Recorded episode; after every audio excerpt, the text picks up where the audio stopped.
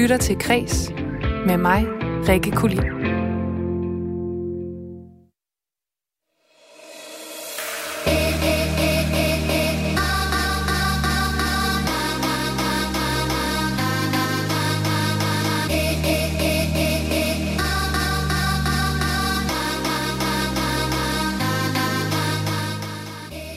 Vi kender dem alle sammen. Stemmerne inde i hovedet, som øh, nogle gange fortæller os, at vi er for seje, og øh, andre gange, at vi er super kikset og får den der røde farve i kinderne til at træde yderligere frem. Det er stemmer, som giver os dårlig samvittighed, kan sende os i skammekrogen eller få os til at flyve på en lyserød sky. Det er de indre stemmer, som vi alle har, og som jeg i dag zoomer ind på i kreds. For Line Knudsen, en af Danmarks mest centrale, originale og ikke mindst populære dramatikere inden for de seneste 15 år, har skrevet et teaterstykke om det her tema. Livstidsgæsterne hedder det, og det kan opleves på Betty Nansen Teateret i København lige nu. Så det dykker jeg altså ned i. Det gør jeg sammen med Knudsen selv, som lige om lidt kommer i studiet og fortæller om, hvordan det har været at vende vrangen ud på sig selv. Og så får jeg også en af Danmarks førende metakognitive terapeuter i studiet, som mener, at indre stemmer er helt normale, og at vi ikke bare skal lytte til dem. Men hvordan øh, man i praksis udlever det råd, det spørger jeg hende om senere i programmet. Og så uddeler jeg også øh, ugens inspirationsstafet. Og så er Sir David Attenborough kommet på Instagram for at inspirere til aktivisme og forandring, når det kommer til klimaforandringerne. Og jeg har talt med en ekspert i sociale medier om, hvordan man selv kommer i gang med at gøre en forskel. Og i den forbindelse kunne jeg faktisk godt tænke mig at høre fra dig, for ligesom at få sådan et, øh, et par anbefalinger ud til øh, folket. Så jeg kommer til at spørge dig nu, hvilke aktivistiske Instagram-profiler kan du anbefale? Om det så er klima eller kropsaktivisme eller noget helt andet, så kan det være, at der er nogen derude, som folk skal kende. Du kan sende en sms til øh, 1424. I din besked, der starter du den med R4, laver et mellemrum, øh, skriver, hvad du har på hjerte, og så sender du den afsted til mig. Men først så lægger jeg og øh, Kreds her selvfølgelig fra land med at give dig de vigtigste nyheder fra kulturens verden. I'm jealous of the rain that falls upon your skin. It's closer than my hands have been. I'm jealous of the rain. Græd du, mens du hørte det her, så er du ikke øh, den første, som har gjort det. For en ny undersøgelse fra et britisk firma, der handler med badeværelser, de tager udgangspunkt i 57.000 mennesker fra hele verden og deres, ja, grædevaner. Det skriver GAFA. Og med udgangspunkt i 10.000 sange fra Spotifys playlister, så har man forsøgt at finde frem til, hvilke kunstnere og hvilke sange flest mennesker de græder til, og hvor de befinder sig, øh, når de græder til de her sange. Og der startede jeg jo med at nævne, at det er et firma, som handler med badeværelser, som står for den her undersøgelse.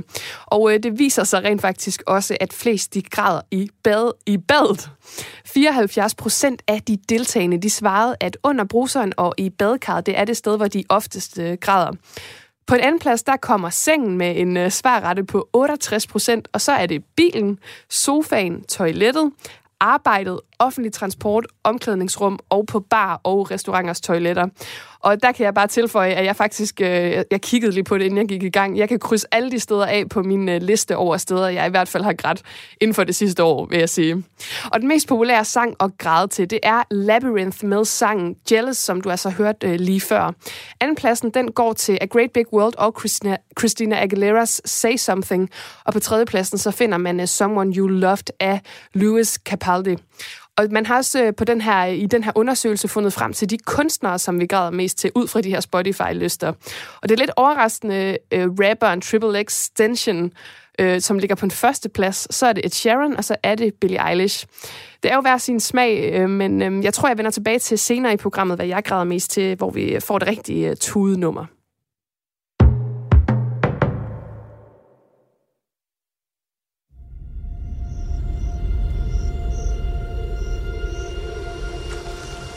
Life's not fair.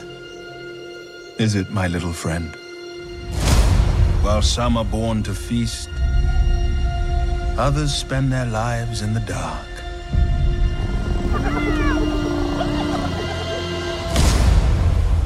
Begging for scraps.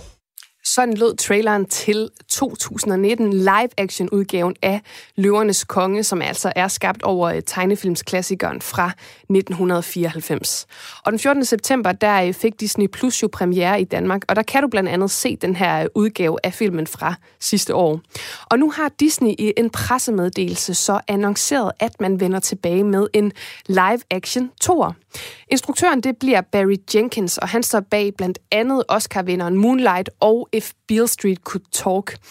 Og øh, ifølge Deadline, så, øh, så bliver efterfølgeren en prequel, prequel som øh, fokuserer på øh, karaktererne fra Løvernes Konge, hvad kan man sige, mytologi, og så tager den udgangspunkt i Mufasas liv og øh, oprindelseshistorie. Og Disney, Disney har endnu ikke øh, afsløret, hvem der skal lægge stemme til karaktererne, og heller ikke nogen premiere-dato eller dato for, hvornår produktionen den starter. Øh, men det er jo sådan, at i de her år, der er Disney altså all in for at få øh, lavet de her live-action-udgaver.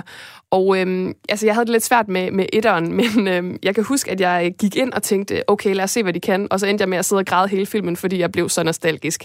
Så øh, jeg er ret sikker på, at der er øh, masser af Disney-fans derude, og Løvernes Konge-fans, som ser frem til den her tor.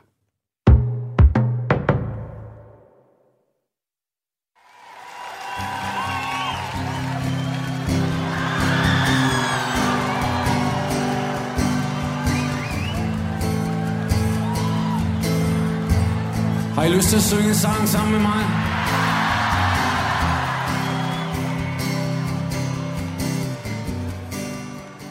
Ja, savner du også at synge med på en sang ved Orange Scene sammen med øh, Niels Brandt og Minds of 99? Og øh, er du også nostalgisk og længselsfuld og, længselsfuld og drømmer dig tilbage til øh, Dyrskuepladsen og landets største musikfestival, så er du garanteret ikke alene. Den allerførste Roskilde Festival, den blev afholdt i 1971. Og til næste år, der kan Danmarks største musikfestival altså fejre 50 år jubilæum. Og forhåbentlig også med en afholdt festival. Men øh, den her mærkedag, det her mærkeår, det bliver selvfølgelig fejret med en særudstilling på Ragnarok, som er det her museum for pop, rock og ungdomskultur, som ligger i Roskilde. Det skriver Sound Venue. Og den her udstilling, den åbner i begyndelsen af 2021. Og øh, hvis du er fast øh, festivalgænger, så skal du altså spidse ører nu, for øh, vi kunne godt bruge nogen, eller de kunne godt bruge nogen, der er vant til at campere midt i se og drikke ølbonge dagen lang hele, hele den uge, som festivalen varer. For museet, de er på jagt efter Roskilde-artefakter fra festivalens gæster, som kan være en del af fortællingen her på museet. Ragnarok her har selvfølgelig allerede officielle Roskilde-genstande som plakater og merchandise og musikprogrammerne, men museet leder altså også efter de personlige genstande, som kan bidrage. Så øh, hvis dig og din camp har en øh, legendarisk ølbong liggende, eller du måske har konstrueret den perfekte festivalstol, så kan du altså give dit øh, bidrag til udstillingen, og den kan du sende ind via Ravneroks hjemmeside.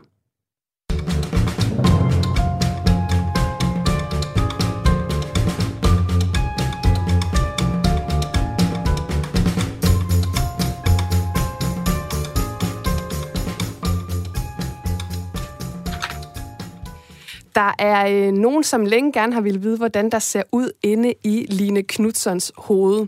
Hun er en kvinde, som danner fortrop, fortrop i den danske absurdistiske dramatik, og som er ved at falde ned af stolen herovre. Det er fantastisk. Sidder du ordentligt over? Ja, ja. Jeg sidder mærkeligt, Det er men godt. fint.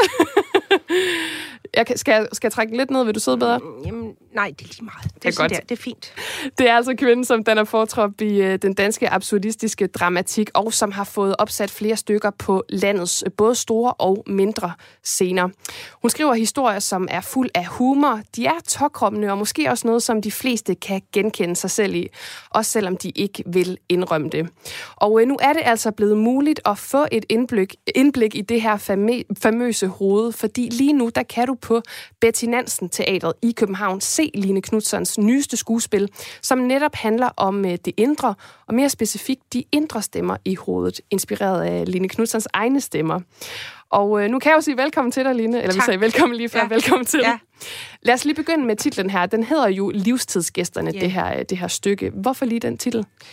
Jamen, det er jo fordi, det handler om dem, der er på, der bor inde i en, som, altså, som jeg egentlig tænker, ser som nogle gæster, øh, der ikke vil gå. Øh, som, som bliver ved med at være inde i mig. Nogle stemmer, der taler og konfererer og forhandler fra morgen til aften, og debatterer og skændes, og er enige og uenige, og bekæmper hinanden, og, og, og det er en form for gæster, jeg ikke kan slippe af med. Så det, altså, hvis det er gæster, der ligesom er, nu er det jo på livstid, altså i virkeligheden ja. nærmest, ja, hvad skal man kalde det, sådan medbeboere i hovedet? Det, det, det kunne også have heddet medbeboerne. Det havde været, jeg ved ikke, det er en lidt kedelig titel, men, men altså, fair nok. Det kunne det godt have heddet. du fik jo den her idé til stykket for øh, syv år siden. Hvordan ja. kan det være, at det først er blevet skrevet nu? Øh, det er meget simpelt. Det er, fordi jeg ikke har øh, givet. Øh, grundet, at øh, jeg vidste, det ville være et indviklet stykke at skrive, og... Øh, nu var det egentlig tænkt som et toagterstykke, men grundet corona måtte vi skære det ned til en enagter, og det er to meget, meget forskellige ting at skrive til. Øh, det, på en måde blev det mere besværligt af det, fordi jeg havde seks skuespillere ansat til at være i to akter, og nu blev det kogt ned, og det er lidt noget andet, men øh, sådan var det. Vi må alle øh, bøje os for corona. Men øh, hvad spurgte du om? Om hvorfor jeg jamen, først gjorde det nu. Ja, jamen, efter fordi, syv år. Ja, jamen, det er fordi, jeg fik nogle rigtig gode forhold, øh, øh, arbejdsforhold ude på Betty Nansen. Og, ja, og det krævede det ligesom. Altså, jeg tænker, hvis noget, en idé er opstået for syv år siden, mm. er der så undervejs, altså har den ligesom ændret sig, den her Nej. idé? Nej. Det har været en meget klar vision. Fuldstændig den samme idé, øh, fordi, altså, øh, mange tror, at når man skriver, at man får, at man bare får en masse idéer. Men det gør man ikke. Det er de færreste, der bare sejler rundt i idéer. Øh, man får, jeg får en god idé hver tredje, fjerde år. Øh, og det var en af dem. Øh, så ja. Og du nævnte jo før, at der er øh, seks skuespillere, og dermed også øh, seks stemmer på mhm. scenen. Mm-hmm. Har du udelukkende brugt, hvad kan man sige, dit eget hoved til at skabe de her stemmer, eller hvordan kommer inspirationen til, til scenerne i, øh, i stykket? Jamen, altså, inspiration, øh, altså man kan jo sige, det er jo års øh, travn rundt i samfundet, øh, i den krop, jeg nu er udstyret med. Øh, og, og, og så er det jo både noget personligt, men det er jo også noget med at være i verden og fange de ting, der, der foregår omkring en. Øh, så, så øh, altså det er også noget både meget personligt, og det er også meget øh, ikke personligt. Øh, noget, der gælder for alle, øh, eller for mange. Jeg tror, mange kan genkende sig selv i noget af det, jeg har skrevet. Og det her med lige præcis seks stemmer, altså jeg tænker også, det har noget at gøre med, hvor mange man egentlig kan placere på en scene. Ja, yeah, altså jeg ved ikke om... Altså, jeg har ikke øh, helt tal på, hvor mange mennesker, jeg tror, jeg indeholder af forskellige viljer og, og humører og bærer af alt muligt. Men jeg tror, det er mere end seks. Men seks er mange mennesker at skrive til.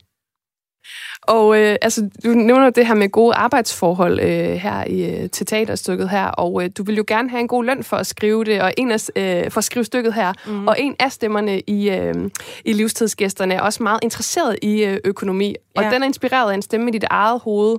Øh, og så har du de her to stemmer, som slås om at måske være normal, og så blende ind, og så den her totalt øh, anarkistiske, der insisterer på at stå uden for, øh, for det mm. hele, og ikke tjekke e-boks eller alt mm. det, der kommer mm. fra, øh, fra samfundet. Ja. Kan du ikke fortælle lidt mere om de her øh, stemmer? Lad os måske starte med øh, den økonomiinteresserede. Øh, jamen, der er flere økonomiinteresserede øh, personager til stede i det her. Altså, økonomi og, og sådan noget er utrolig øh, kedeligt at skrive om. Altså, øh, men altså, det har været meget vigtigt for mig, og, øh, fordi det er en, en, en ting, der fylder rigtig meget i et menneskes liv. Og jeg og rigtig mange andre, vi tilhører jo et nyt Øh, jeg kan ikke ordet. Det hedder. Præ... Prekariat. Prekariat. ja, ja. Som jo er sådan en, en altså os, der ikke er øh, med i en fagforening og af, af, arbejder i stat og kommune, og, eller har et fast arbejde, men er løsarbejder, vi tilhører det der nye ord, og vi er jo, altså sådan, så jeg rangerer jo blandt sådan nogle projektansatte, som halvhjemløse, arbejdsløse folk, der øh, ikke optjener nogen som helst goder i samfundet, og øh, som banken ikke vil låne penge, så du, så du bliver jo en del af et øh, system, eller et, et mangel. Du er ikke med i systemet, så du kan, har ikke nogen af de samme goder, som andre mennesker har. Du har ikke en understøttelse, du, kan ikke, øh, du har ikke feriepenge, du har ingen pensioner. Der er en masse øh, ting, som du ikke har. Du er projektansat, så dem, der ansætter dig, de skal ikke betale pensioner, feriepenge og, og sådan noget set. Og når man har levet sådan i, i mange år, så øh, får man en, en smertelig bevidsthed om, hvad penge betyder. Det er klart, når du har penge, og, og lever på med faste indtægter og sådan noget, så er ikke noget, du altså, så, siger, så, så det er ikke noget, man snakker om, men, men os, der lever i de der meget, meget turbulente økonomiske forhold, taler utrolig meget om penge. Og det er jo et kæmpe tabu at sige, at jeg har ingen penge øh, eller det har jeg ikke råd til, eller jeg kan ikke være med til det. Øh, og det interesserer mig rigtig meget, netop på grund af tabuet og modviljen mod at tale om det. Og hvordan har det så været at skal gøre det, øh, hvad kan man sige, lave det om til noget humoristisk? Det her med, at du netop siger, at det jo egentlig er et tabu for mange, især folk, som ikke får en fast månedsløn, eller som måske, hvor det virkelig øh, er forskelligt også fra måned til måned, hvordan livet ser ud. Hvordan har det været at omdanne jamen, det? Jamen, så har jeg øh, ikke fundet på, men, men fordi det er egentlig ikke noget, jeg... Øh, altså, nu, der er en inde i, i, i jaret, som bliver ved med at tale om en andelslejlighed, den aldrig skulle have solgt i 2003. Og, øh, og, og der, på den måde kommer jeg rigtig meget ind på, øh, på sådan en syg måde ind på boligmarkedet, uden at tale om bolig. Fordi boligmarkedet, det er også utrolig kedeligt stof at skrive dramatik om. Men, men, men der er faktisk rigtig meget med det boligmarked, øh, fordi at det er jo den måde, man tjener penge på. I dag kan du jo ikke arbejde dig til, til rigdom. Du kan sæt, sidde helt stille inde i en lejlighed. Hvis du holder ud længe nok inde i lejligheden, så kan du blive millionær. Og... Øh, og det er der jo et eller andet helt kugeluk. Det er jo enormt demoraliserende for, for øh, ens arbejdsmoral, at, at, at det er sådan, du kan tjene penge til føden. Ikke? Hvorfor, øh, eller hvad kan man sige, hvordan har det været vigtigt for dig at have de her stemmer repræsenteret i, i stykket? Og så siger du jo også selv det her med, at det er måske på papiret ikke det mest spændende i verden, men det Ej. der med at øh, få det så bragt ja. ud til folket. Jo, men det er jo det, der så er min opgave, det er at, at bringe, bringe disse øh, kedelige budskaber ud på en underholdende måde. Ikke? Øh, og, øh, og jeg har selv personligt store issues med, med banker. Øh, jeg har store issues med stat og kommune måde at kommunikere på. Jeg har oplever bankvæsenet som direkte kriminelt, øh, som forbryder. Øh, og, øh, og jeg har simpelthen ikke... Altså, der er en side inde i mig, der har så lidt respekt øh, for de der øh, institutioner. Øhm, og, men det betyder så også, når du har sådan en stemme inde i dig, der, der, eller et øre, der hele tiden hører og lægger mærke til, hvor kriminel øh, virksomhed, jeg lyder nu som en konspirationsteoretiker, kan jeg godt høre, men, men altså, der er sådan en stemme inde i mig, der egentlig oplever det som kriminel virksomhed. Det bankerne gør boligmarkedet som en form for kriminalitet. Øh, så, øh, nu har jeg glemt, hvad du. Jeg, løb, jeg faldt af min egen hest. Jeg fulgte bare med. Ja. Altså, jeg er virkelig ja. det, jeg tænker på, nu har du sådan en stemme inde i hovedet. Øhm, hvordan, hvad kan man sige, reagerer du på den? Altså, lytter du til den? Fordi at, at, at det, jeg tænker også, der er en anden stemme. Det er netop det her med, øh, vi snakkede om før, eller jeg nævnte før med, at der er sådan de her modrettede ja, stemmer, Ja, men så, så er stemmer. der en, der simpelthen så gerne vil være ikke sådan som den, som jeg lige har siddet og talt om, som, som vil ønske, at jeg havde når jeg går herfra, er der en, der vil sige, hvorfor kan du ikke bare tale om noget andet? Om noget med noget andet, noget, jeg kunne have sagt noget med klimaet, eller så, så ved jeg, at jeg vil gå hjem over Rødspladsen, og så vil jeg gå og, og, og sådan diskutere og debattere med mig selv, at hvorfor skulle du også sige det med penge? Og, ja, og der er øh, noget inde i mig, der altid trækker mig over i det, hvis jeg får taletid på en eller anden måde, altså både privat og offentligt, så, så er der noget, en meget stærk stemme, der vil tale om det her og jeg fortryder det altid bagefter. Jamen, hvordan er det så at blotte sig på den her måde? For du tegner jo et billede af de her stemmer, der er i dit hoved, og så bliver de fremført på en scene. Jamen, det er... Altså, går det godt, er det utroligt tilfredsstillende. Øh, fordi det er jo ikke bare... Altså, fordi det, det er mange stemmer på en gang, og, der alle, og alle mennesker indeholder jo masser af sider. Og, øh, og, øh, og altså hvis jeg skal sige noget kedeligere generelt, så har vi jo denne tid en tilbøjelighed til, at vi vil så gerne putte hinanden ned i nogle kasser, og, og så hun er sådan, han er sådan, og han siger altid, og hun siger sådan, og han er dum, og hun er sød. Øh, men alle mennesker er jo tusind ting på en gang. Og det er ja, sådan et menneske, jeg har skabt ude på Bessinansen. En, der er både virkelig irriterende, og virkelig sød, og virkelig dum, og virkelig idiotisk. Og her til sidst, Line Knudsen, hvad håber du så, at øh, publikum, som er inde og se den her forestilling, de tager med sig ud fra, øh, fra teatersalen? Jeg håber, at de øh, et, morer sig, to, øh, øh, bliver mindet om, at de også indeholder alle mulige øh, forskellige sider og, og øh, en eller anden kærlig accept af, at man er alt muligt på en gang. Det sagde altså Line Knudsen, dramatiker og aktuel med skuespillet Livstidsgæsterne på Betty Nansen Teatret, der kan opleves indtil den 24. oktober. Og senere i programmet, der dykker jeg ned i det her stykke Livstidsgæsterne med en af Danmarks førende metakognitive terapeuter, som er relativ, en relativ ny retning inden for terapi i Danmark. Hello, my name is David Attenborough, and I've been appearing on radio and television for the past 60 years. But this is my first time on Instagram. And I'm making this move and exploring this new way of communication to me because, as we all know, the world is in trouble. Continents are on fire. Glaciers are melting.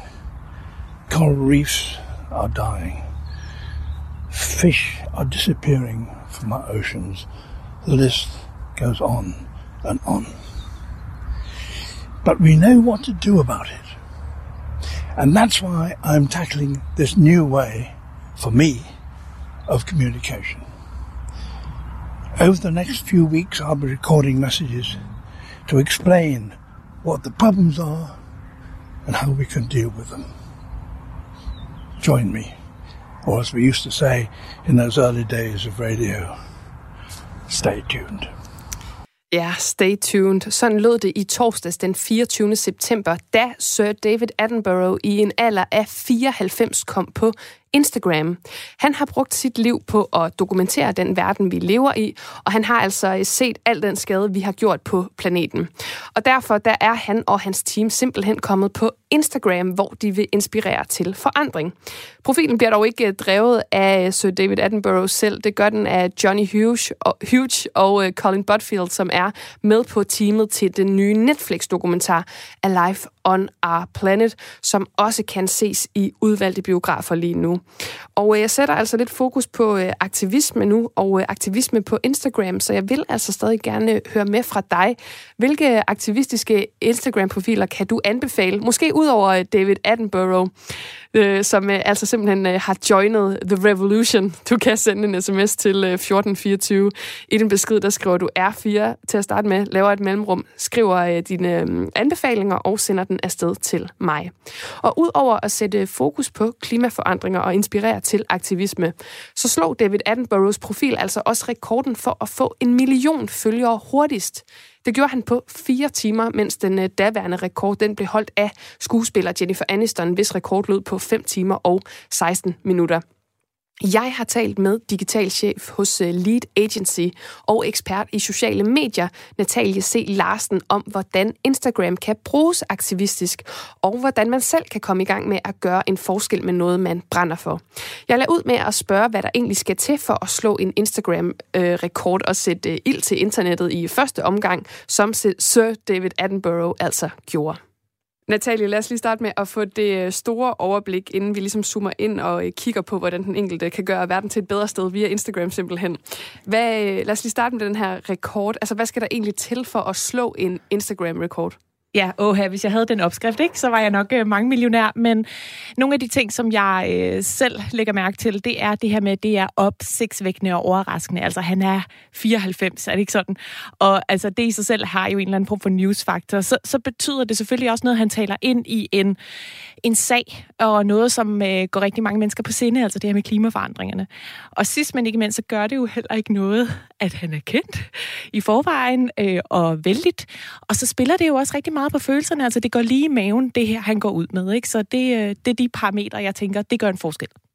Okay, altså vi, øh, vi rammer jo noget af det, jeg også tænkte, der ligesom skulle til. Blandt andet måske, altså det er en vigtig sag, også det her med en kendisfaktor. Men, men har du et par eksempler på nogle altså, vilde Instagram-opslag, som øh, er gået over i historien og øh, har slået rekorder? Ja, øh, jeg kom til at tænke på, øh, det her med babyer har været en faktor tidligere, ikke? Altså Kylie Jenners øh, baby og afsløring af, at nu har hun altså født. Og så også Beyoncé, som jo øh, poserede sådan sindssygt æstetisk, øh, da hun var gravid med tvillingerne. Både da hun var gravid, men også da de var født. Så, så babyer er populære. Jeg ved ikke, om det øh, kan være en retning for folk. men, øh, babyer og gamle mennesker. Ja, og så har jeg lyst til at nævne det her øh, World Record Egg som du måske kan huske, men som er det her sådan mystiske øh, æg, som, som øh, gik viralt øh, for et par år siden, og som slog alle rekorder. Jeg mener, det fik 25 millioner likes eller sådan noget. Fordi det var sådan en, øh, det var sådan en gimmick, som fik alle til at, sådan at gå ind og, øh, og engagere sig i noget så ligegyldigt som et æg. Ja, jeg tror faktisk, det startede på Twitter, hvor det var, kan det her æg få flere likes ind? Var det Kylie Jenner faktisk? Det ja, var i hvert fald en fra Jenner-familien. Godt, men altså David Attenborough, han er jo en uh, rimelig gammel herre, må vi sige, og uh, han viser jo på en måde, at det aldrig er for sent at komme i gang på Instagram med at, uh, at gøre en forskel i verden. Men altså, jeg tænker, om Instagram overhovedet er et godt billede til at være aktivistisk på. Altså, består det ikke bare af bikinibilleder og avocadomader? Jo, altså for os dødelige, almindelige mennesker, så er det jo det, der er tilgængeligt. Øhm, og det er nogle gange også det, som er, altså det er de redskaber, man har lige i baglommen. Så på den måde, så starter det nogle gange med en solnedgang og noget, der er pink og flot. Ikke? Øhm, men det betyder ikke, at, at det ikke kan lade sig gøre. Altså, øh, der er mange muligheder, og egentlig så kræver det jo, at du har noget på hjerte, og at du vil give noget af dig selv. Det er sådan de vigtigste elementer, vil jeg sige. Og så kommer jeg til at spørge igen, om du ligeledes har eksempler på, at der rent faktisk er nogen, der sådan aktivistisk gennem Instagram har gjort en forskel? Ja, det har jeg. Øh, altså, jeg kommer selv til at tænke på, øh, nu er det jo også alt efter, hvad for en tema man går op i, men øh, jeg er feminist, øh, så det, jeg kommer til at tænke på, er jo alle kropsaktivisterne, positivisterne, og øh, en, jeg rigtig godt kan lide, det er Jamila Jamil. Jeg håber, jeg udtaler det rigtigt, men øh, som både er kropspositivist, men også feminist, og deler rigtig meget om mental health, øh, som jeg synes er nogle vigtige sager, og som er noget af det, som jo ikke lige frem er tydeligt, når man går rundt på gaden, men, men som der ikke desto mindre så også er endnu mere vigtigt at tale om, for eksempel på sociale medier. Er der sådan, nu nævner du det måske også har noget at gøre med, øhm, hvilket tema man går op i, men er der ligesom nogle særlige tematikker, som er rigtig gode at være aktivistiske omkring på Instagram? Ja, altså noget af det, som, øh, som trender rigtig meget lige nu, det er jo klimaet. Men det kunne også være feminisme, altså debatten, der kører her hjemme omkring sexisme og samtykke er også noget af det, man kan sådan ride med på, hvis man har lyst til bare sådan at følge en bølge. Det vil jeg så ikke anbefale, men, men alligevel ikke, hvis man tænker, nu skal, jeg, nu skal jeg virkelig med på den her aktivismevogn, så er det jo det. Altså, men det kunne også være sådan noget som øh, racisme og rigtig mange ismer faktisk lige nu, ikke? Kan man jo godt øh, faktisk ud og slå på trummen for, hvis man drømmer om det. Og så lad os gå til de ting, som man kan gøre for at øh, skabe en Instagram-profil her i 2020, som øh, kan gøre en forskel, hvad end det så er, man øh, ligesom er øh, øh, engageret i og engagerer sig i. Hvis man nu ikke har en Instagram-profil, for det kunne der godt være nogle af vores øh, Radio 4-lyttere, inklusiv min far for eksempel, øh, som øh, ikke har Instagram, men gerne vil oprette en helt ny profil og øh, simpelthen komme derud af med et brag og et budskab. Altså, hvordan gør man så den bedste entré på det her medie? Hvad vil du foreslå, at ens første opslag skal være? Altså, det jeg vil foreslå, det er, at øh, du skal vælge din hjertesag, som du er inde på. Så handler det også om at aktivere dit netværk øh, og sige, hey, jeg er kommet på nu, jeg har faktisk noget på hjerte, har du lyst til at støtte det? øh, Øh, så vi kan løfte hinanden lidt op, ikke? Altså, så handler det også om, måske som et element af det, også at give opmærksomhed ud. Altså, jo mere du kan give til andre, og til andre sager, måske endda nogen, der har den samme sag som dig, desto mere spejler det også lidt tilbage på dig selv, eller drypper dig tilbage på dig selv af, af karma, ikke? Så det er også vigtigt sådan at være aktiv derude, og ikke bare tænke på, hvordan kan jeg udkomme med mit øh, soloprojekt her, ikke? Fordi det er jo tit sådan noget med, med når noget skal være aktivist, aktivistisk og sådan øh, have en effekt, så handler det om at stå sammen. Øh, så handler det måske også om at være konsekvent med, hvad du deler, altså konceptualisere og ligesom sige, nu er det systemet og kapitalismen, jeg vil kæmpe imod, og så laver jeg ikke andet. Så er det væk med alt det der med makeup og hvad man ellers har lyst til at dele, sin kaffe, så, så handler det altså om at være konsekvent og, og virkelig gå ind i den her sag, ikke? Okay, så man skal ligesom ikke forvirre sine følgere for meget med at stikke i alle mulige retninger? Nej, altså det vil jeg ikke sige. Hvis du virkelig vil hurtigt frem på banen i forhold til aktivisme, så handler det om at være meget snæver øh, på lige netop det tema, du vil ud med. Okay, og så er jeg jo lidt nysgerrig på, fordi vi snakker tit om det her med, øhm, at man skal have en masse likes og en masse engagement, men hvad er egentlig bedst? Altså er det bedst at have en kæmpe stor profil, lad os sige 100.000 følgere, men så kun have 100 likes og måske et par kommentarer? Eller er det så bedre at, du ved, at have et, et lavt antal følgere, lad os sige 100 følgere, og så måske 50 likes og, øh, og en masse kommentarer? Altså, hvad er vigtigst at gøre den største forskel? Altså, jeg vil ønske, at det ikke gjorde en forskel, at du havde 100.000 følgere, øh, men det gør det bare, fordi det på overfladen er sådan en verificering af, at du har en stemme, og at det kan gøre, det kan simpelthen trække flere til hurtigere, at man kan se, okay, hende her, hun har en eller anden form for social proof, der er andre, der godt kan lide hendes indhold, øh, så dermed vil jeg også gerne følge med, så det gør bare en forskel. Jeg vil sige, for mig personligt, og jeg håber også for, for mange andre end mig, gør det endnu større forskel, at man tør at tage dialogen, og at der er nogen, der, øh, der har lyst til at diskutere med en, og den der debat, og det her med, at vi kan blive klogere sammen, det synes jeg har en langt større, gør en langt større forskel, når det handler om aktivisme. Så det er det, man skal kigge efter i virkeligheden, hvis du spørger mig som ekspert. Og er Instagram så overhovedet et øh, medie at debattere på? Fordi at de fleste vil sige, at et debatterende medie, så skal man jo over på sådan noget som Twitter for eksempel, eller Facebook, hvor der øh, immer væk også er masser af debat. Kan man debattere på Instagram? Ja, det kan man godt. Altså, jeg, for mit vedkommende, så synes jeg ikke, at det gør noget, at det starter med at være lidt overfladisk. Øhm, altså, vi kender jo Black Lives Matter, som bare var den her sorte firkant for nogle mennesker. Ikke? Og for mig gør det ikke noget, at det kan starte der, så længe det ikke stopper der, og så længe vi netop kan tage dialogen i kommentarfelterne. Det er klart, øh, for nogen vil det appellere mere at gå på et øh, medie som Twitter, men jeg synes ikke, det udelukker Instagram. Altså, gør man overhovedet en forskel i verden ved at være aktivistisk på internettet, eller skal man ud på gaderne? Øh, man skal begge dele, helt klart. Altså, det ene udelukker ikke det andet. Og, og for mig, så betyder det også noget, at man måske kan åbne øjnene for nogle, for nogle publikummer, som aldrig ville stille sig på gaden, men alligevel så prikke dem en lille smule i maven øh, gennem sit billede på Instagram. Så øh, ikke udelukke det. Det er sådan set bare mit budskab.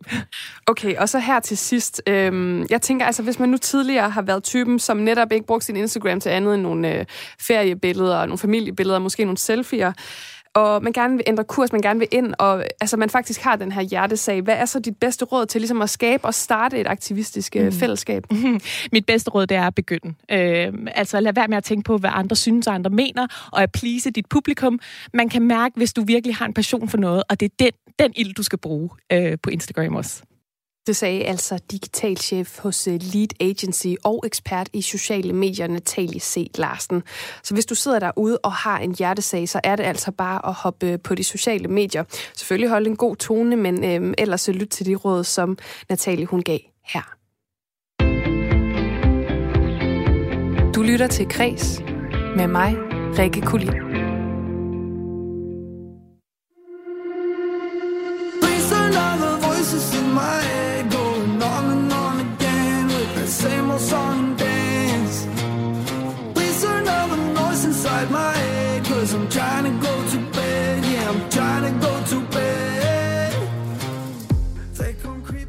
Nu vender jeg tilbage til de indre stemmer, stemmer, for det er det tema, som jeg ser nærmere på her i Kreds, i anledning af Line Knudsons nye skuespil, Livstidsgæsterne, som øh, i bogstavelig forstand sætter spotlys på menneskets indre stemmer. Og det har du, Sisse Finn Nielsen. Du er nemlig psykolog og metakognitiv terapeut. Velkommen til Kreds. Tak for det. Og øhm, allerførst, altså hvor normalt er det at have indre stemmer? Jeg, jeg vil om at sige, at det er unormalt ikke at have dem, kan man sige. Fordi stemmer er jo dybest set tanker. Men, men vi oplever dem som stemmer. Fordi de har den her, hvad kan man sige, auditive, verbale karakter. Øhm, og det er også derfor, at vi, øh, vi oplever tit det her med at gå rundt og snakke med os selv, når der er et eller andet, vi tænker over. Så har vi den her indre selvsnak, eller indre dialog kørende, hvor vi vender og drejer en problemstilling. Så, så det ville være mærkeligt, hvis ikke vi havde dem. Og øhm, man kan sige, biologisk set, så er, øh, er der jo tale om, øh, altså tanker er elektriske impulser i hjernen, så uden dem vil vi være døde. Så det, øh, eller i hvert fald hjernedøde, så det beviser jo bare, at vi er spillelevende. At vi simpelthen har stemmer. Præcis. Okay, altså jeg vender tilbage. Jeg har rigtig, rigtig mange spørgsmål, men lad os lige starte med forestillingen her. Ja. Altså der er jo seks stemmer. Er det sådan det antal indre stemmer, vi alle sammen har, eller hvordan? Nej, hvis bare det begrænser sig til seks, så kunne vi måske bedre holde dem ud. Men vi har et væld af stemmer, faktisk tusindvis af dem, og øh, det er kun få, der når igennem øh, vores bevidsthed, men selv dem, der kommer igennem vores bevidsthed, der er langt flere end, end seks stemmer, og det er alt fra, gud, jeg trænger til at få klippet negle, eller vi har ikke mere toiletpapir, eller øh, sådan nogle selvbebrejdende tanker, jeg er ikke god nok, eller hvad skal der blive af mig? Så, så der er mange, mange flere stemmer end de her seks stemmer. Altså, hvordan kan man, nu, nu sidder jeg bare og tænker for eksempel det her med, altså kan man inddele dem i at sige, jamen der er en selvbebrejdende stemme, eller er det to forskellige stemmer at sige, jeg skal også have klippet negl, og jeg skal også have, have klippet hår? Altså, hvordan kan man adskille mm. dem fra hinanden, og hvornår er de det samme? Mm. Jamen, det kan også være, være svært. Nu, nu, har, nu har jeg jo set Lines teaterstykke, og det var, altså, det var virkelig interessant, og jeg tror, at de her øh, personer, hun har skabt, eller stemmer, figurer, hun har skabt, øh, har været øh, sådan et, et godt greb, kan man sige, til at øh, etablere nogle, nogle figurer, vi alle sammen kan genkende og identificere os med. Øhm, fordi de var virkelig genkendelige, og de var hylemorsomme, kan man sige. Der var den her stemme, som den her øh, stemme, der aldrig tilgiver, at vi solgte en andelslejlighed, før øh, boligmarkedet gik amok, og øh, den her utålmodige stemme, eller stemmen, der, hvad kan man sige, øh, hele tiden kritiserer os for ikke øh, at, at, at være gode nok, som den vi er. Og så var der også interessant nok den her stemme, som ligesom foregiver at være mere os end de andre stemmer. Altså den her stemme, som ligesom prøver at holde styr på det hele og tysse lidt på de andre stemmer, når de er for vanvittige og langt ude og for kritiske. Så, så den her, som er vores indre coach, kan man sige, som i virkeligheden kan være lige så kritisk og langt ude som alle de andre stemmer.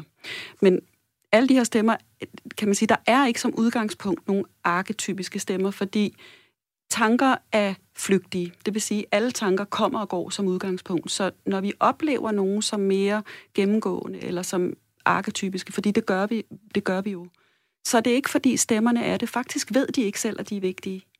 Men de stemmer, vi hele tiden reagerer på, når de, når de trænger ind i vores opmærksomhed, og gør noget ved dem ved at tage dem alvorligt og udviser sådan en særlig erbødighed over for at gå i dialog med dem, de bliver faktisk mere vigtige, fordi de så kommer til at recirkulere i vores bevidsthed og fylde mere. Og netop det her med, at de fylder mere, altså rent historisk, så kan man sige, at vores syn på den indre stemme har også øh, ændret sig, som gør, at her i det senmoderne samfund, hvor vi jo virkelig også er opmærksomme på os selv, der, øh, der har, døjer man faktisk øh, mennesket med ind, flere, hvad kan man sige, indre stemmer end tidligere. Altså, hvad er årsagen til det?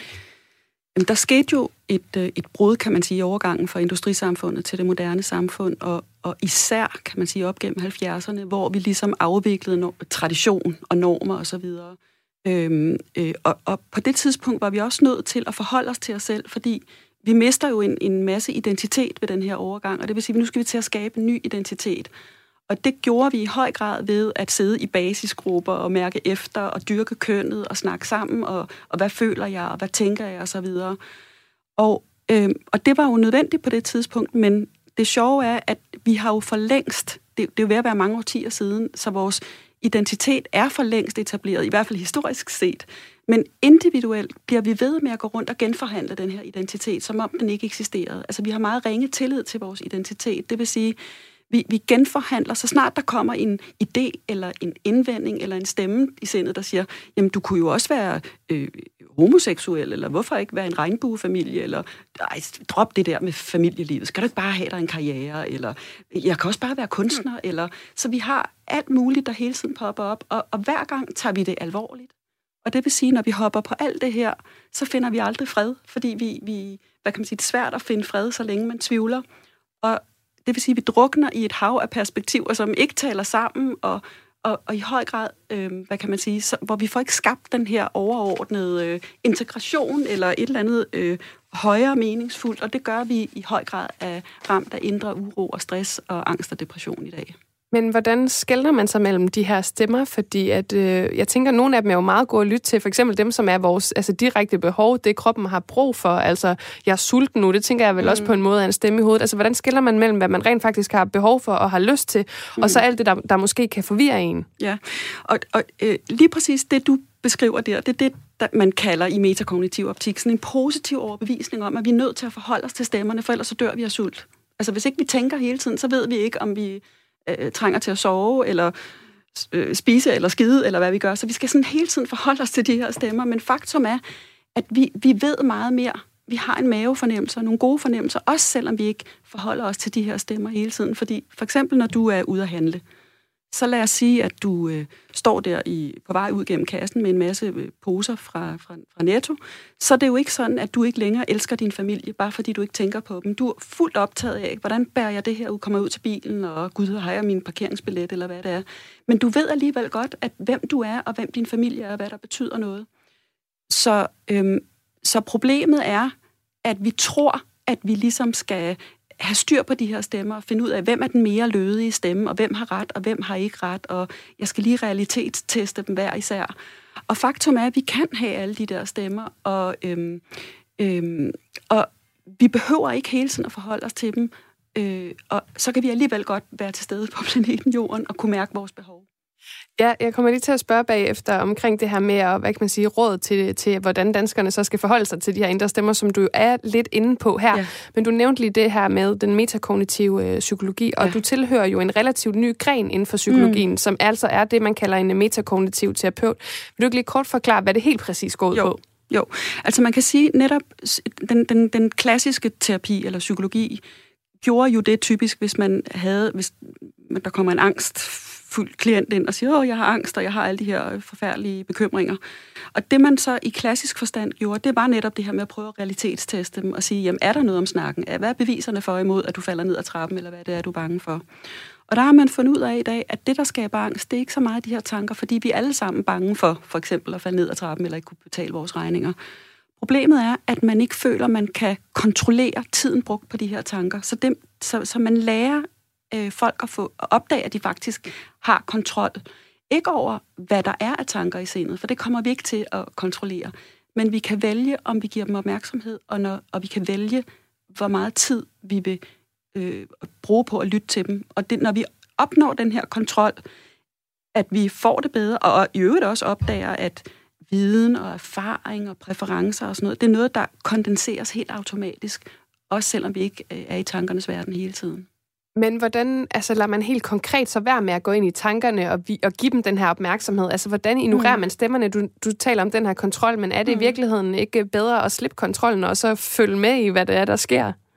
Og men de kan finde på mange ting, de her stemmer. Så, så det vil, jeg vil ikke give det råd at følge stemmerne, fordi de, de ved ikke selv, de er vigtige. De, de, de bræger bare op om alt muligt. Men, men faktisk gør du det lige nu, fordi lad dine stemmer være, din, dine tanker være. Og det er ikke, fordi du ikke har nogen tanker osv., men lige nu giver du dem ikke opmærksomhed, fordi du er opmærksom på vores snak, og hvad skal det her interview gå ud på, og hvor lang tid har vi tilbage, og så videre. Så, så, så du bruger faktisk den kontrol, du har lige nu. Fordi det, det er egentlig ikke mig, der styrer din hjerne, kan man sige, eller bestemmer, at du det ikke... Det håber jeg ikke. nej. Det, det, det, det er dig, der bestemmer, at du ikke lytter til dine stemmer lige nu. Og øh, så, hvad kan man sige, så, så er det nærliggende at tro, jamen det er jo fordi, Sisse, du distraherer mig, for jeg er nødt til at forholde mig til dig. Men du kunne rent faktisk forholde dig til dine tanker, hvis du ville. Så det er et aktivt valg, du træffer. Og det kan man også lære at træffe, selvom man sidder alene hjemme i sin stue. Men, men er der virkelig behov for det? Fordi altså, jeg var jo lidt inde på det i starten, men det her med, at der må være en eller anden form for stemme, som man lytter til i forhold til at kunne være, hvem man så er, og træffe de her valg mm. og handle i det hele taget. Altså, hvordan finder man ud af, hvilke der er hvad? Jamen, det, det, det er det, der er sjovt. Det behøver du faktisk ikke, fordi at nogle dage, og det har du sikkert prøvet, har du haft dårlige dage med, med, med dårlige tanker og ubehagelige følelser. Andre dage er der gode tanker. Øh, nogle dage, så er der bare nogle ligegyldige leverpostejstanker, eller der er alt muligt. Men det sjove er, at du er jo den, der altid er der. Så, så, så du er ikke de her tanker. Du er den, der går i, du er den gennemgående figur. Du er den, der altid er der på, på tværs af de her tanker. Så du er den, der kan observere de her tanker og de her stemmer men du er noget andet. Så, så, så du er faktisk i stand til, så at sige, at kunne se igennem sindet, og alligevel være rigtig meget dig. Det var altså ordene fra Sisse Finn Nielsen, psykolog og metakognitiv terapeut. Og altså, vi talte om de her indre stemmer, fordi uh, Line Knudsens nye skuespil, Livstidsgæsterne, det altså vises på uh, Betty Nansen Teatret i København lige nu. Tak fordi du var med, Sisse. Jamen selv tak. Og er du mere nysgerrig på det her tema, så kan du altså se stykket ind til den 24. oktober. Og så er Sisse Finn Nielsen også bogaktuel med bogen Aldrig mere angst, slip bekymringer og stress på 6 uger, hvor du kan blive klogere på, hvordan du selv kan blive bedre til at håndtere de her mange indre stemmer. Du lytter til Kres med mig, Rikke Kulin. I Kreds der hylder vi hver onsdag de mest inspirerende mennesker i det danske kulturliv. Det er dem, der er et forbillede for os andre. De tager initiativ, flytter grænser og stiller spørgsmål. Det er dem, der provokerer, går forrest og skaber forståelse. Det er kort sagt dem, der inspirerer. Og øh, dagens inspirationsstafet, den går til dig, Maria Tessing. Velkommen til Kreds. Tak skal du have. Du får lige sådan en her af mig, for jeg kan ikke, jeg kan ikke selv klappe studiet op. okay. Hej Maria, du er jo øh, kunstnerisk leder af Tønder Festival, hvor du er hovedansvarlig for at øh, booke navne til festivalen. Men det er jo ikke øh, mig, der har valgt, at du skal have den her stafet. Det er sidste uges udvalgte, nemlig Lene Jensen fra Hakkes Musikpop. Så lad os lige starte med at høre, hvad Lene hun sagde om dig. Maria, hun inspirerer mig. Hun, hun tør at tænke nyt, men samtidig så mestrer hun en meget fin balance med at holde fast i det gamle, mens hun tænker nyt og ud af boksen. Og det har været øh, rigtig inspirerende for mig, fordi jeg også arbejder på et sted med utrolig meget historie og, og gamle traditioner. Hvordan man sådan, der har jeg skadet meget til hende i forhold til den her balancegang. Ja. Ja, så har hun hendes mening og smod, og det kan jeg rigtig godt lide. Altså hun står ved hendes mavefornemmelse. Øh, også når hun bliver udfordret, og det, det er sejt. Ja, det er sejt. Hvad betyder de her ord øh, for dig fra Lene? Jamen det synes jeg da bare er helt fantastisk at få sådan nogle ord. Altså, det, det, er, da, det er jeg da virkelig, virkelig glad for. Altså, det, ja, det er jeg godt nok. Og det her med at tænke nyt og tænke ud af boksen, det forestiller jeg mig lidt, det er nogle egenskaber, som er ret afgørende, når man er festivalleder i de her tider, eller hvordan? Altså, jeg tror ikke, hun tænker lige nu. Altså, jeg tror, hun tænker mere på... Øh, altså, Tønder Festival ville jo have fejret, øh, eller fejret fyldt 46 år i år. Øhm, og da jeg kom til for 6 år siden, der tog jeg over fra en, øh, der havde været der i 40 år. Øhm, så jeg, jeg tror, det er det, hun tænker på. Altså, at, at, der, at selvfølgelig har vi lavet nogle ændringer øh, i forhold til, hvordan det var tidligere. Og hvad, ja, hvad er der egentlig sket i de her seks år? Ikke fordi vi skal have en fuld tidslinje, men er der sådan, nu nævner hun det her med at tænke ud af boksen. Hvad, hvad har du tænkt ud af boksen i din tid som, øh, som øh, kunstnerisk leder? Øhm, altså, vi, øh, det har jo nok, altså det var nok meget sådan, at Tønder Festival var meget øh, synonym med Runwig eller andre bands, øh, hvor, hvor jeg ligesom måske valgte at sige, jamen nu skal vi lige have en pause fra det, fordi vi bliver nødt til at kigge fremad, og vi, og, og øh, vi bliver også nødt til at få nogle nye publikummer ind øh, og vise, hvor fantastisk den her festival er. Så øh, mange af dem, der havde været der i mange år, dem, de øh, fik lige en overlov, kan man sige. øh, ja, og øh, det er jo øh, vores øh, ugenlige inspirationsstafet, som vi står midt i lige nu, så jeg vil jo spørge, hvor vigtigt det er for øh, dig at inspirere andre med, øh, med det arbejde, som du laver. Øh, jamen, det, det har jeg egentlig ikke tænkt så meget over. Jeg har mere tænkt over, hvem der inspirerer mig. Øh, altså, jeg, jeg tænker bare, altså, altså det jeg øh, med mit arbejde, jeg, altså, jeg ønsker jo bare, at folk får den bedste oplevelse, når de kommer ned til os. Øhm, og det bedste musik og det bedste øh, alting. Øhm, altså nu er jeg jo selvfølgelig kun ansvarlig for musikken, men, øh, men det synes jeg er super vigtigt, at man får noget ned ved os, som øh, man ikke kan høre alle mulige andre steder. Og, det, og, det, det, og sådan har det altid været nede ved os, vil jeg sige. Altså det er, det er, øh, det er musikere og artister, som du ikke kan høre andre steder. Øhm, ja. Og du nævner jo selv det her med, at det, det måske er vigtigere for dig, hvem øh, der har inspireret dig. Så hvem har du egentlig selv været inspireret af gennem tiden? Altså, jeg er meget inspireret af tidligere kolleger. I, altså, jeg har været i musikbranchen, siden jeg har været 20, øh, tror jeg, og nu er jeg fra 47, for det skal være løgn. Øhm, altså, jeg har haft mange fantastiske kolleger øh, i Danmark, men øh, jeg har også her de senere seks år, har jeg jo også rigtig mange super gode kolleger i udlandet, som jeg sparer meget med.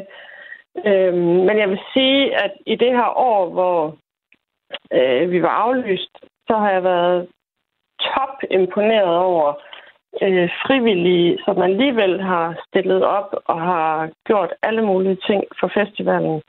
øh, fordi de bare ikke kan lade være. Altså, jeg vil sige, altså vores frivillige er, det er vores guld. Det tror jeg, der er mange øh, festivaler landet over, som er meget, meget enige i, at øh, de frivillige de virkelig betyder meget. Men øh, stafetten her, den er jo heller ikke bare roser og pæne ord, fordi du skal jo også bidrage til vores evighedsinspirationsdigt. Og det er efterhånden ved at ja. være lidt langt, så jeg tænker, jeg tager ikke det hele, men jeg tager nogle af de sidste strofer. Og de lyder sådan. Vinden blæser i det sydlige hjørne til fest. Festivalvimplerne vejer i august, men året igennem kører tonerne til fest. Tæt ved grænsen mødes vi om musikken, og verden står stille for en stund, for musikken kan samle, selvom stedet er lille, er følelsen stor. Nu skal vi jo sætte øh, lidt flere øh, linjer på, så jeg er spændt på at høre, hvad du har med til os. Ja, altså jeg er jo ikke så poetisk, så jeg har, jeg har nok mere sådan øh, gået øh, fra den egen tanke, eller hvordan jeg selv tænker det. Og jeg har så skrevet, øh, den tid vi lever i har vist, hvor vigtig kulturen er til at bringe glæde, fordybelse og oplevelser sammen, eller hver for sig. Øh, mit håb er, at vi alle fremadrettet husker på det. Uden kultur og fællesskab bliver vi fattigere mennesker uden kultur og fællesskab bliver vi fattigere mennesker. Det, det tror jeg, at rigtig mange af kredslytter er meget, meget enige i. Det var altså linjerne, vi putter på, og dem vil jeg så læse op i næste uge. Jeg synes, de var øh, virkelig, virkelig øh, gode, Maria. Det kan du da sagtens. nå, nå, det er jeg da glad for. ja. Og så øh, til sidst, så skal vi jo sende stafetten videre, og det er altså dig, der får lov til at bestemme, Maria Tessing. Så hvem skal have næste uges inspirationsstafet, og hvorfor? Jamen, øh, det skal Jesper Kemp, som øh, har et bookingbureau, der hedder Bullet Booking. Øh, han repræsenterer øh, en bred række af danske musikere, alt fra Savage Rose til Kier Skov osv. Øhm, og øh, jeg synes, øh, der er jo mange, der ikke ved, hvordan øh, branchen er, og hvad alt det arbejde, der ligger bag. Øhm, og som booker, der har man faktisk et kæmpe stort ansvar for, at musikerne de står på de rigtige scener på det rigtige tidspunkt. Øhm, og det synes jeg, han er rigtig, rigtig god til. Plus at han virkelig øh, brænder for musikken, som i min bog er sådan 12 pil opad. Øhm, jeg tænker, der er mange, der kunne, kunne, altså, kunne lære af, at, at øh, det kan godt være, at man har en stor dansk stjerneagtigt, men øh, måske der er ingen grund til, at vedkommende skal stå direkte i forum eller noget. Måske skulle det lige øh, tage lidt tid. Og det synes jeg, at Jesper er rigtig god til. Jamen, øh, vi sender simpelthen inspirationsstafetten videre til, til Jesper Kemp, som altså er booker. Og endnu en gang tillykke til dig, Maria Tessink, med ugens inspirationsstafet, og tak fordi du var med. Tusind tak. Jeg er ved at være færdig for i dag. I morgen der er jeg tilbage kl. 17.05, hvor det skal handle om Moskovs Museum. Moskov Museum. det kan jeg slet ikke sige lige nu. Moskovs Museums udstilling After the Apocalypse. Kan vi lære noget af fortiden, når katastrofen den rammer os i fremtiden? Det kigger vi nærmere på. Og husk så, at dagens program og alle andre programmer af Kreds kan findes som podcast. Om lidt der er der monarkiet med to Vinter her på øh, Radio 4. Inden da, der vil jeg slutte af med at øh, spille en sang, som får mig til at stortude. For jeg startede jo programmet med at øh, tale lidt om de sange og kunstnere, som ifølge en ny undersøgelse altså får os til at græde mest. Og min absolut øh, tudesang nummer et, det er Sufjan Stevens Visions of Gideon, som var på soundtracket til Call Me By Your Name. Den får du her. Rigtig god aften, og øh, vi lyttes ved i morgen.